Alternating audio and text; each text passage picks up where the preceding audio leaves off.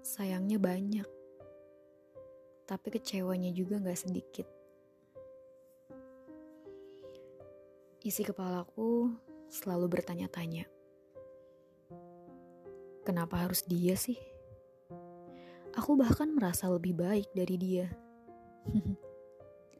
Egois banget emang aku sampai bilang kayak gitu. Tapi kamu juga egois. Nganggep dia seistimewa itu. Kamu egois karena cuma mikirin diri kamu sendiri. Tanpa sadar kalau sekarang udah ada aku.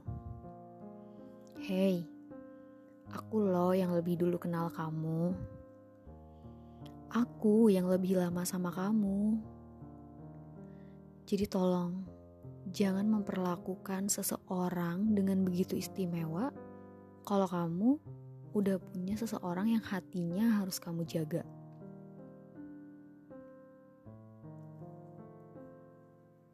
Jangan seenaknya. Yang punya perasaan bukan kamu doang.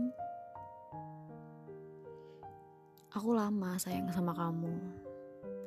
Dan kalau untuk tiba-tiba berhenti, itu gak mungkin. Dan gak mudah juga.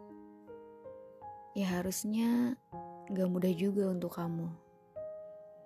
Karena cerita ini kita tulis bareng-bareng. Kecuali kalau dari awal, aku cuma nulis sendirian. Aku mencintaimu yang bisa tiba-tiba hilang, bisa tiba-tiba pergi, dan bisa tiba-tiba diambil.